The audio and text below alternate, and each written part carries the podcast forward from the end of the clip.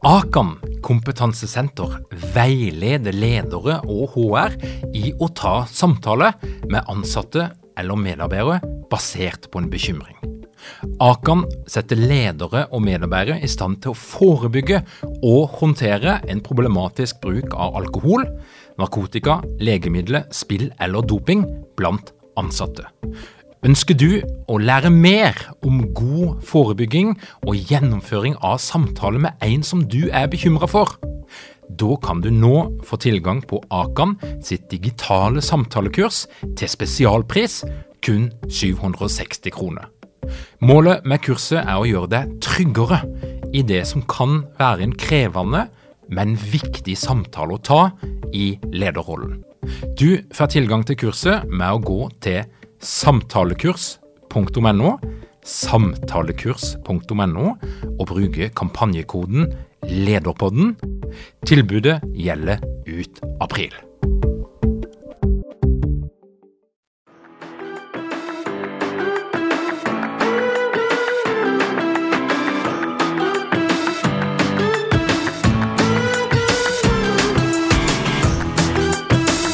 Velkommen til Lederpodden. Mitt navn er Tor Åge Eikerapen. Jeg jobber som organisasjonspsykolog med leder- og ledergruppeutvikling. Og dette her er en podkast om ledelse. God sommer! Akkurat nå så er det ferietid, og jeg har tatt meg den friheten at har ikke lagd en ny episode denne uka. I stedet så har jeg fått hjelp av min gode lydingeniør Emil til å plukke fram en episode fra arkivet. En av de mest populære, og det er den du skal få kose deg med nå. Vel bekomme. Og der var ferien plutselig over. Jeg vet ikke åssen du har det med det, men jeg sliter litt med overgangen mellom ferie og full produktivitet. Jeg blir rett og slett litt urolig. Jeg er ikke ikke helt i gang. Sola skinner fremdeles og gir meg et hint om at det er mye bedre å være på sjøen enn på et kontor som får badstuetemperatur etter klokka tolv. I tillegg så er ikke skoleferien slutt, det er innkjøring på SFO, og skillet mellom jobb og privatliv er mildt sagt blurete. Det er tusen ting som jeg ønsker å få gjort og komme i gang med, men jeg vet ikke helt hvor jeg skal begynne. Og som du hører, jeg trenger hjelp. Jeg trenger hjelp til å fokusere og til å motivere meg sjøl, og for å komme i gang, opp i marsjfart. Og derfor har jeg kontakta mentaltrener Tim Rudi Weiteberg. Han skal hjelpe meg til å finne fokus, og vi skal snakke om vane som et hinder og mulighet for endring. Men først skal du få et par ord fra Ellen Holt, tidligere deltaker på lederprogrammet, som i dag jobber som leder i Sveko. Ellen, var det verdt det? Ja, det er skikkelig kult, faktisk. For den følelsen sitter jeg, det er så eh, tydelig for meg at det her angrer jeg ikke én krone på. Så jeg kjørte jo full pakke. Ambisiøs og personlighetstest og alle moduler. Og jeg har hatt så god nytte av det.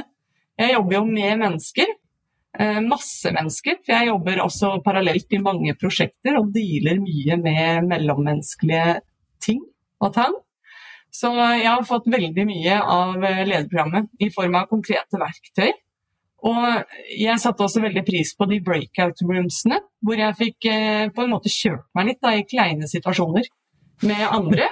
Hvor man også får For det første så får du brukt den kunnskapen du akkurat har fått tilegna deg, i praksis med andre, og så får du tilbakemelding med en gang. Litt sånn Kan kanskje ordlegge deg annerledes, eller eh, hvordan, hva tenker du om hvordan mottakeren tok dette? og det har vært så gull, for du har fått trent deg. Jeg har også tatt fram liksom kleine situasjoner som jeg ikke har villet snakke om.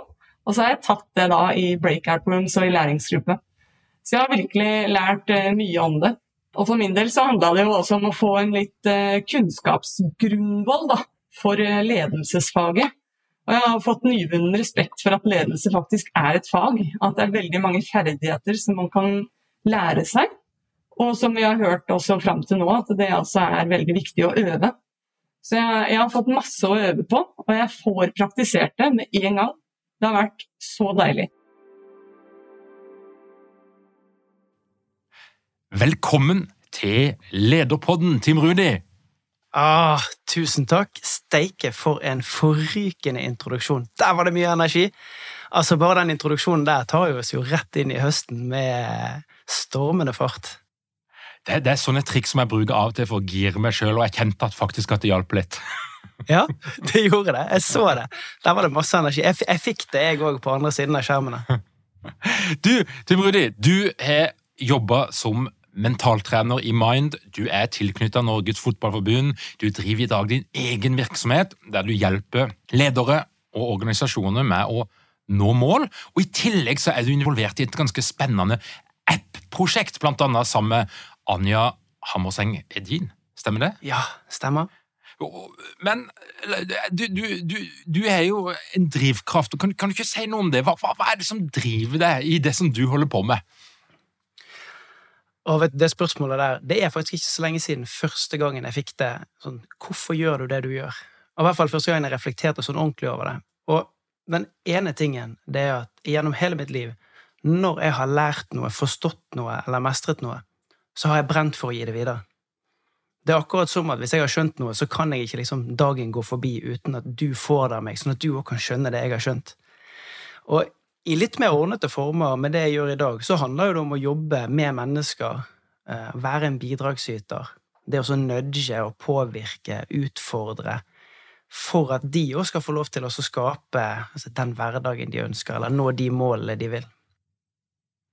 Og så eh, du, du, lagt ut en sånn veldig fin tekst på, på LinkedIn som jeg kjente meg godt igjen i, og det, det var når du fikk lånt et nøkkelkort på et Nav-kontor i tre dager i forbindelse med et oppdrag, så kjente du på det der eh, gode følelsen av å være en del av noe som var større enn deg sjøl, og jobbe innenfor strukturerte rammer. Men så konkluderte du allikevel med at du skal jobbe for deg sjøl og, og, være din egen slave og din egen herre. Forklar litt. Hvordan kom du til den konklusjonen? Jeg tror det er et flerdelt svar på det. Det ene er, hvis jeg skal bli litt nerdete, da altså Det faglige perspektivet, det her med locus of control. Altså, det er meg som bestemmer. Det er meg som tar beslutningene. Det er meg som er ansvarlig for de valgene jeg gjør. Det har en enorm positiv påvirkning på meg. Hvis det er noen andre som tar en beslutning på noe jeg skal gjøre, eller en jeg skal være, eller ting jeg skal utføre, så får det negative konsekvenser. Da blir jeg mindre av meg sjøl og mindre som menneske. Og så må jeg si at jeg syns det er kjempedeilig å ansette meg sjøl hver morgen, men òg se meg sjøl i speilet på kveld og liksom se får du lov til å komme på jobb igjen i morgen. Uh, og, ja, og, så, og, så, står det, vet du, i dag, i dag så er det faktisk ikke sikkert at du får en, en sekser på terningen. Ok, hva må jeg gjøre annerledes i morgen? Det, jeg, jeg trives veldig godt med det. Frihet og fleksibilitet. Det er godt å høre. Da kan det jo være at du kjenner litt på akkurat denne perioden, denne overgangen. Ferie til produktivitet. Det er en høst som er, er på gang.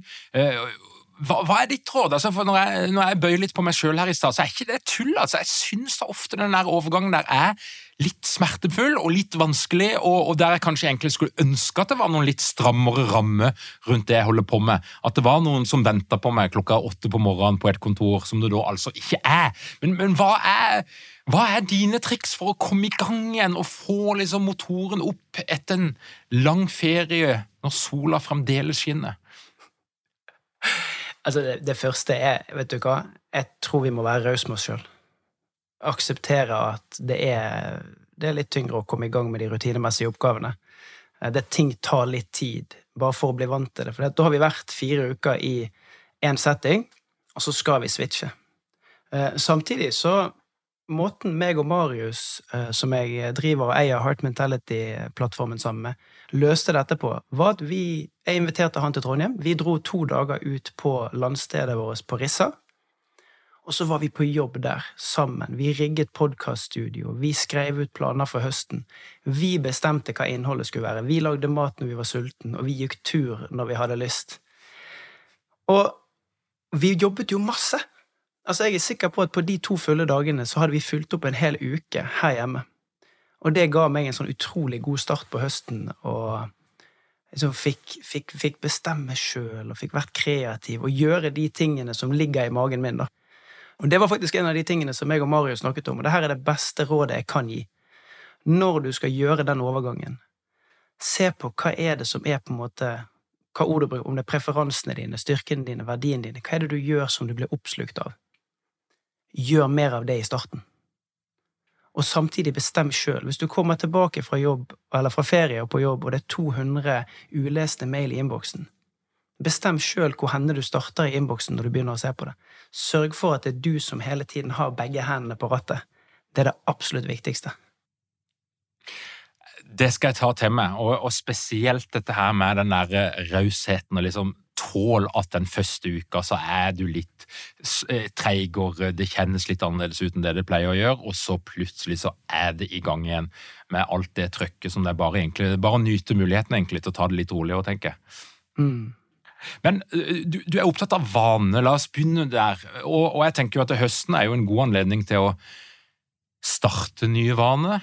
Det kan være krevende å komme i gang med de gamle vanene som du hadde før ferien. Så, så det, er et, det, er et, tidspunkt nå, tenker jeg, som Vi snakker jo ofte om nyttår og nyttårsforsettet, men, men det kan jammen være ei greie, dette her med høstforsettet òg. Altså, nå har vi en liten lomme her fram til jul på en tre-fire måneder. Eh, det er en god anledning til enten å skape noen nye vaner, avlære seg noen gamle vaner. Yes. Men, men, hva er det du tenker på når jeg sier ordet vane? Jeg har, jeg har lyst til å egentlig ta deg, ta, ta deg noen år tilbake. Eh, den første gangen jeg ble bevisst hva vaner var for noe. Eh, og jeg har, jeg har et sett med tvillinger som straks fyller eh, åtte år. Og når vi sto på ultralyden og skulle se på, på disse her hjerteslagene, så sier jordmoren ja, der er det et hjerte. Og så var det her eh, gjennom prøverør, så vi hadde satt inn to egg, så vi visste at det var en sannsynlighet for at det kunne være to. Og så sier konen min eh, ja, det, det, er bare ett. Ja, det er bare ett. Og så skjer det noe inni hodene til oss begge to, eh, tror jeg. liksom, Ok, greit, det, det, det er ett barn. Nei, vent litt, sier hun. Her er det jommen med et hjerteslag til.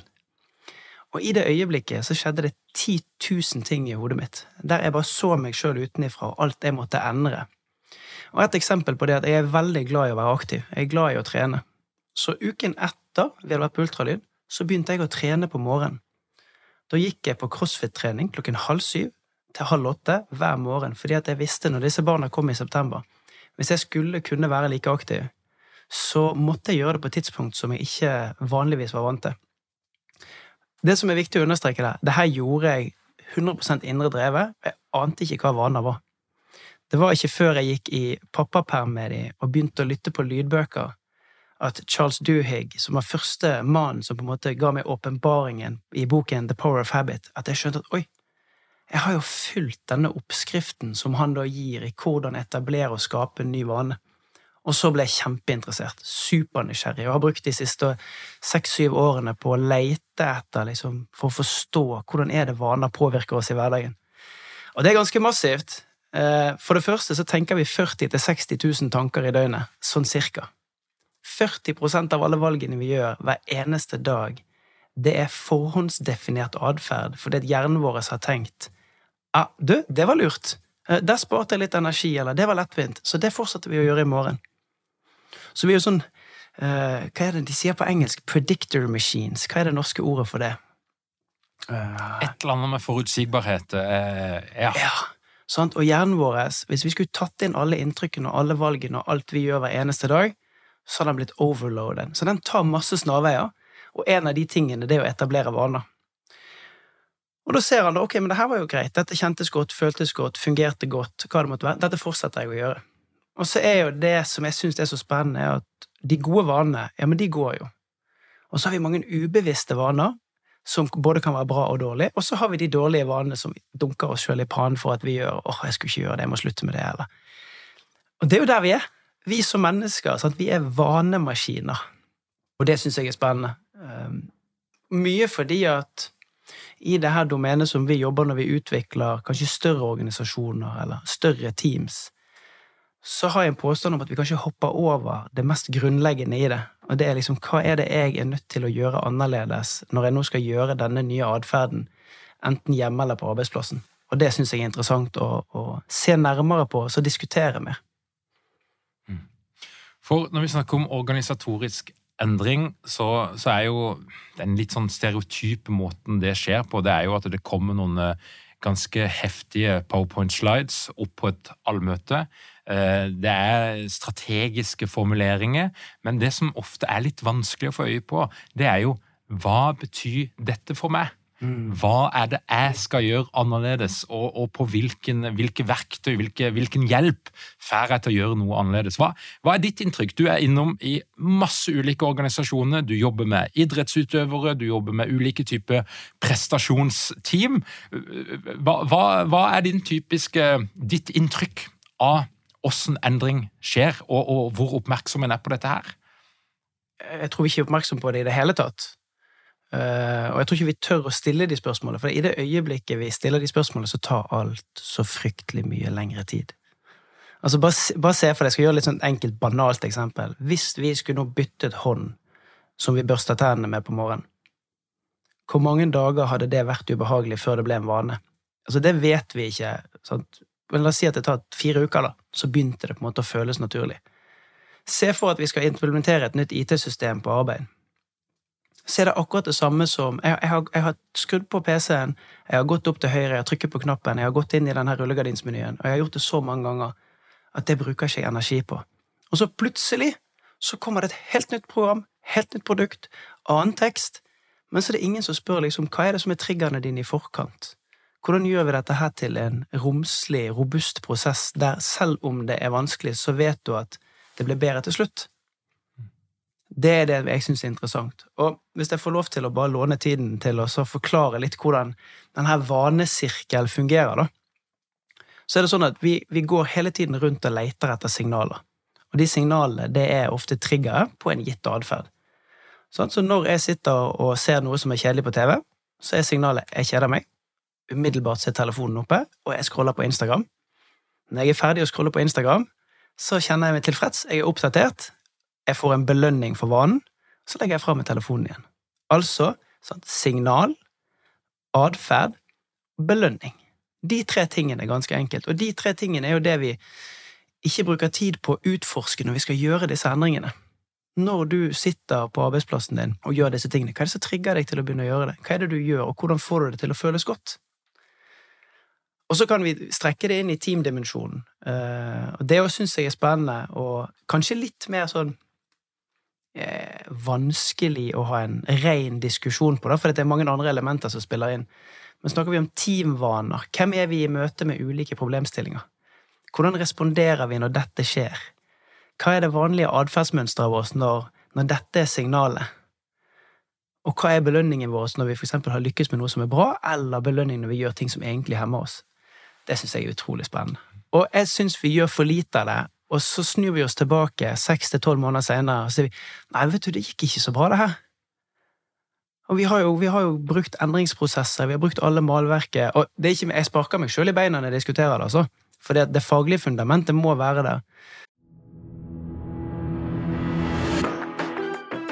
Er dykken mange ledere uten trening eller utdannelse innen ledelse? Mangler dykken en felles kultur og praksisforledelse? for ledelse? Ønsker dykken å være bedre rusta for fremtidig vekst og endring? Da kan et internt lederutviklingsprogram være en god investering. I Execu så er vi eksperter på å designe og gjennomføre bedriftsinterne lederutviklingsprogram. Hvis du ønsker å lære mer om hvordan vi kan hjelpe dykken til å få enda bedre ledere, ta og klikk deg inn på execu.no.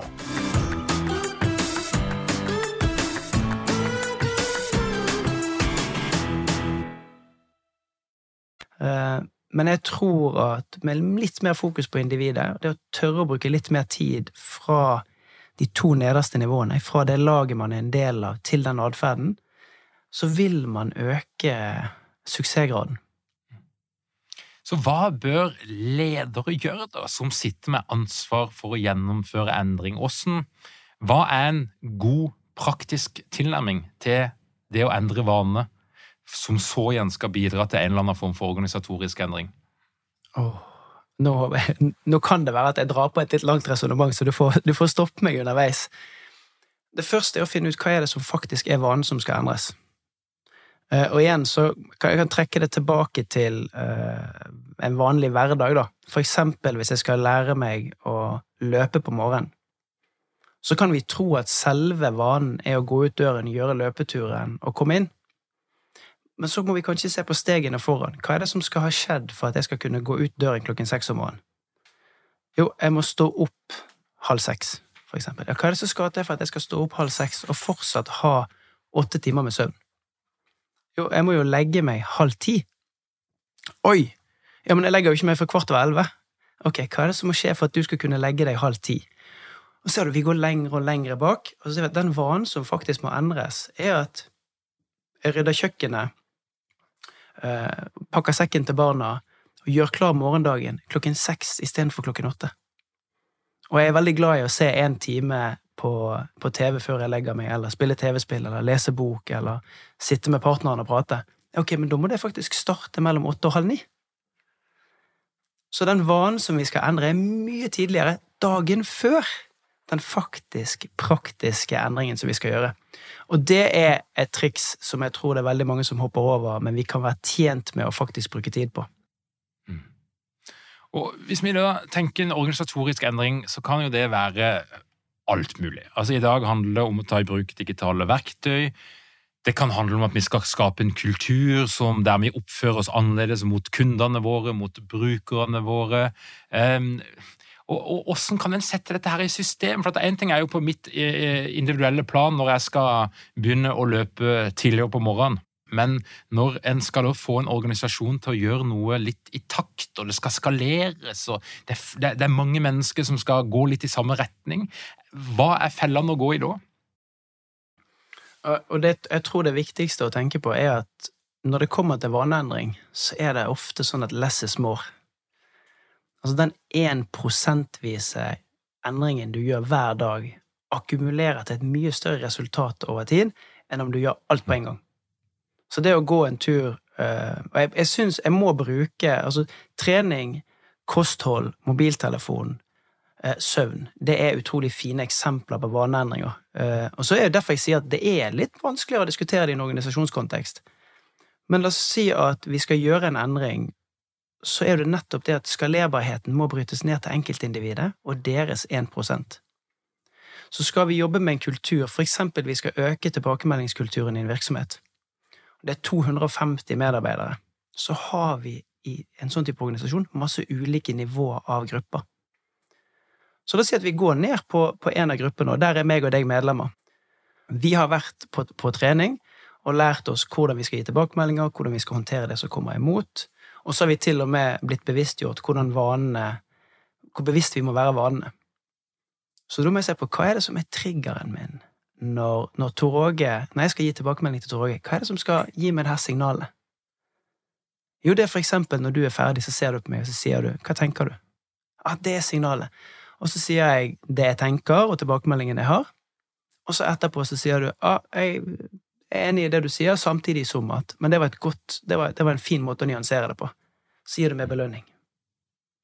Så inni den arenaen så har vi da tatt det inn i eh, the habit circle, da. Den her vanesirkelen. Og til mer vi gjør det sammen, sant? til mer vane blir det. Så etter hvert og kanskje, Jeg sier ikke tre uker, seks uker, seks måneder, men om et to år så sitter vi og har et møte, så er du ferdig å prate, så bare ser du på meg. Så sier jeg ja, der er du spot on, og så er det to ting jeg har lyst til å legge til på det, det du sa der. Her er, det, her er det vi kan tenke annerledes om det. Så blir det automatisert. Og da vet jeg at det er trygt og godt å si det til deg, for det har vi øvd på så utrolig mange ganger. Og så vet vi jo at eh, vaner de de er seige. Og, og, en, og, en, sommerferie kan jo rett og slett ødelegge. Det er nok til å ødelegge et, et sett med gode vaner. Hva er, er, hva er, det som typisk kommer i veien når folk da prøver å etablere nye eh, vaner, enten på jobb eller privat? Hva, hva, er som, hva, er det som, ødelegger det for oss, bortsett fra at vi ofte prøver å endre altfor mange ting på en gang og gjøre det for komplisert? Jeg tror det er akkurat det. Jeg tror du svarte på det sjøl der, altså. Gjør det enkelt. Uh, og så er det sånn når vi, når vi har, hvis vi tar ferie fra vanene våre, så er jo de av i en periode, så de krever jo at vi faktisk setter fokus på det. Uh, jeg har, uh, for min del, nå når ferien var ferdig, så har jeg et prosjekt der jeg har lyst til å se på hvordan kosthold påvirker energinivået mitt. Så jeg er veldig bevisst på mengden proteiner jeg spiser gjennom en dag. Det var et cue for meg når jeg kom tilbake til hverdagen. Det var å begynne å se på proteinmengden min hver dag. Det tok meg inn i et spor som gjorde at da var jeg også bevisst på renheten i maten, jeg var bevisst på å drikke mer vann istedenfor brus. Eh, når jeg var sulten, så spiste jeg kanskje litt sunnere. Og det tar oss inn til det som vi kaller for altså, keystone habits, eller hjørnesteinsvaner, eller dominovaner. Hvis du, er, hvis du er modig nok til å velge ut én ting, så kan den ha stor påvirkning på resten. Så når først den ene tingen kommer på plass, så vil det dryppe over på det andre. Jo, for det at i og med at jeg må vite hva jeg spiser av proteiner, så må jeg planlegge. Så når jeg planlegger, så må jeg se inn i morgenen. Hvor skal jeg være? Hvem skal jeg være sammen med? Hva tilgang har jeg til mat? Og så baller det på seg. Og, og, og, den type keystone habits altså Jeg, jeg vet, jeg snakka tidligere om ei som heter Cecilie Tunem Sonum, og vi snakka litt om at sånn som verden er i dag, så vil du aldri få den perfekte balansen i livet mellom familie, jobb og alt det andre du skal, du skal gjøre. Det sosiale, fritidsaktiviteter. Det er en utopi. Men hvis du har noen gode sånne kjernevaner som du er eh, nesten helt rigid i forhold til, så kan det gi deg en grunnmur som gjør at du tåler å være fleksibel, du tåler å være ute av balanse i en periode, og så greier du å ta deg inn igjen. Og Dette her høres ut som du har tatt det ganske langt når det gjelder de her proteinene, men hva kan andre typer sånne kjernevaner være? Du gjør det så lite som mulig. Jeg er utrolig glad i tominuttsregelen. Og i tominuttsregelen så handler det om å gjøre den vanen du skal gjøre i to minutter, og så avslutte.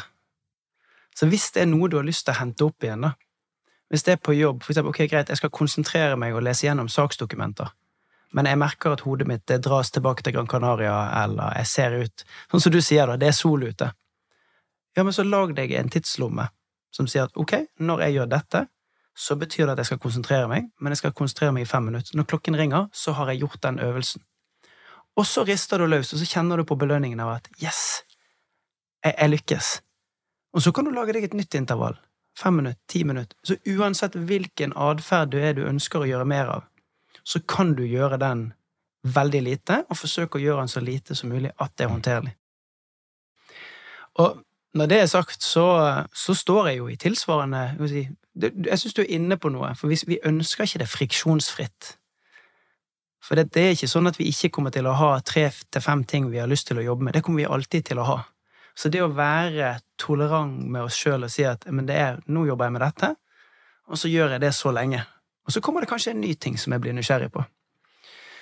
Og Marius han har utfordret meg på det, fordi at jeg skal bli bedre på meditasjon og balanse. Og akkurat i dag så har jeg hoppet over min meditasjonsøkt, nettopp fordi at hverdagen bare krasjet meg. Vi skulle møtes til podkast, hun skulle luftes, jeg hadde et kundemøte. Hva er det som ble tatt vekk? Og det er vanen om å meditere. Så jeg må, jeg må inn i, i denne eh, planleggingen og inn i vanesirkelen, og så bare lage meg et system og en struktur som tillater at jeg får gjøre det. Åssen føles det når du kjenner at æh, det gikk ikke i dag heller? det er én ting jeg har lært meg på mitt relativt korte liv. Det er når det skjer, så er jeg nødt til å stoppe opp og så må jeg spørre meg sjøl hva skal jeg gjøre annerledes i morgen. Jeg, jeg, jeg, jeg, har sluttet å slå meg sjøl i pannen når jeg ikke lykkes, og så leter jeg etter hva er det jeg må gjøre annerledes. Og jeg er en person som har veldig vondt for å planlegge. Det er, altså, det er vanskelig for meg å lage gode, robuste planer.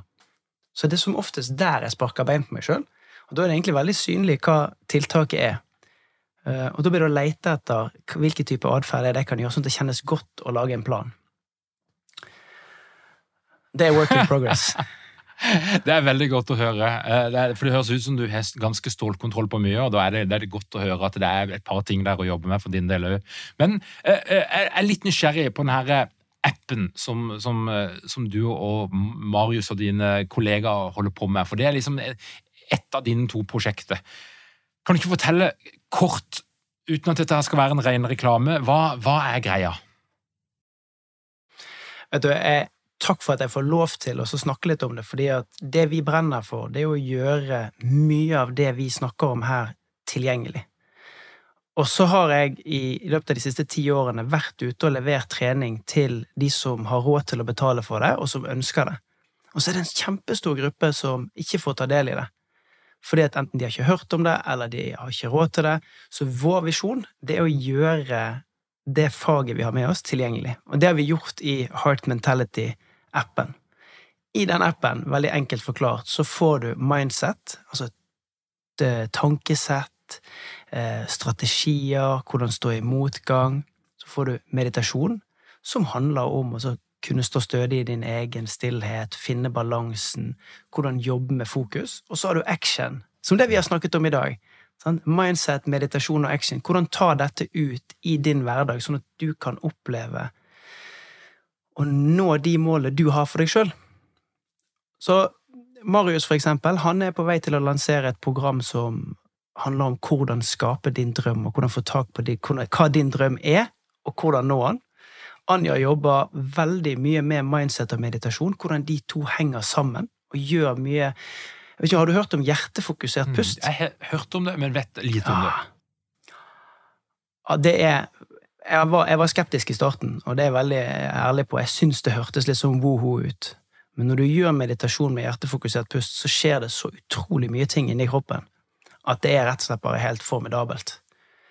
Og så har jeg min del, som handler om action, eh, nå i høst, og det er også å lære folk hvordan endre vanene, og hvordan gjøre disse endringene. Vi snakker om erfaringer som de i communityet har hatt, og vi deler og vi byr på, og så finner vi noen sånne faglige rammeverk som vi kobler det på. Men alt skal tas ut i action, ellers er jo ikke det verdt noe.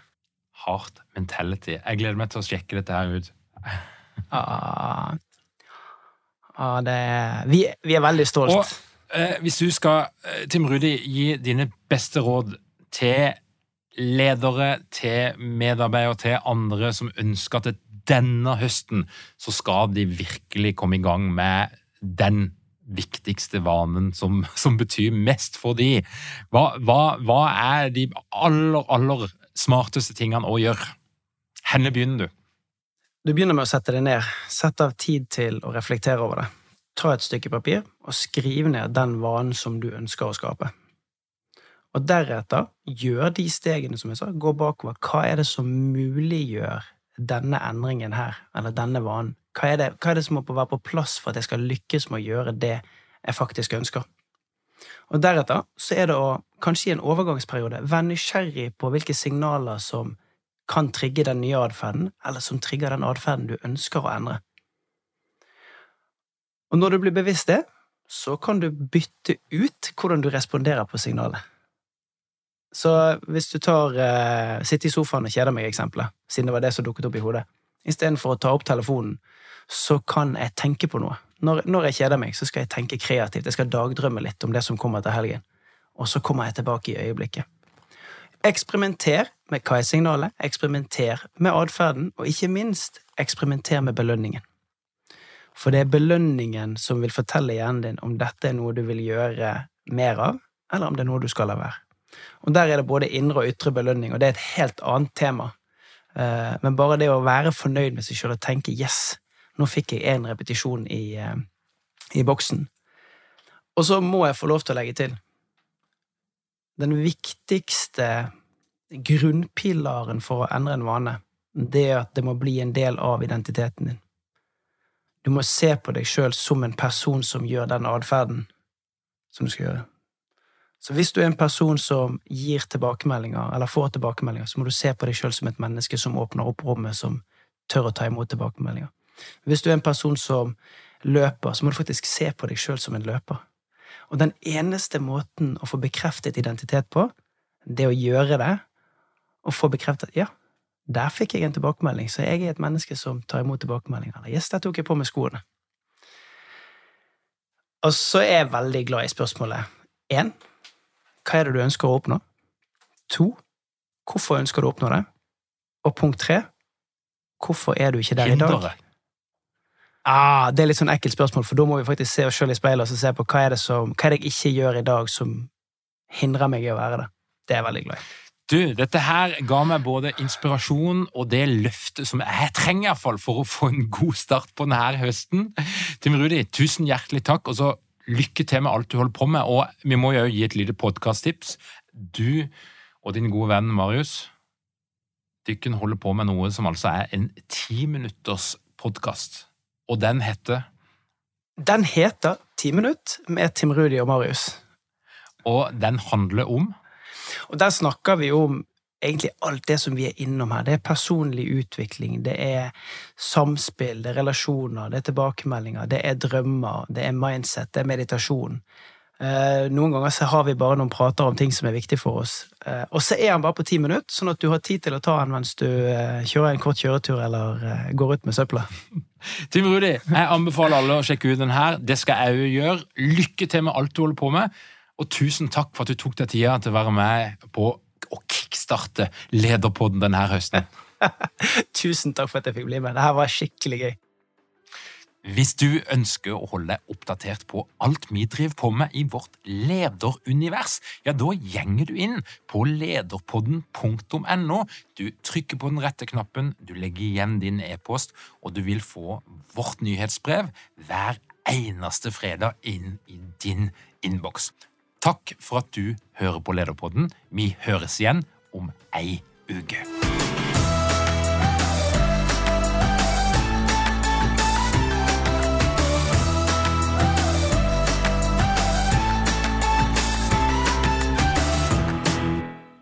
Lederpodden er gitt til deg av Execu.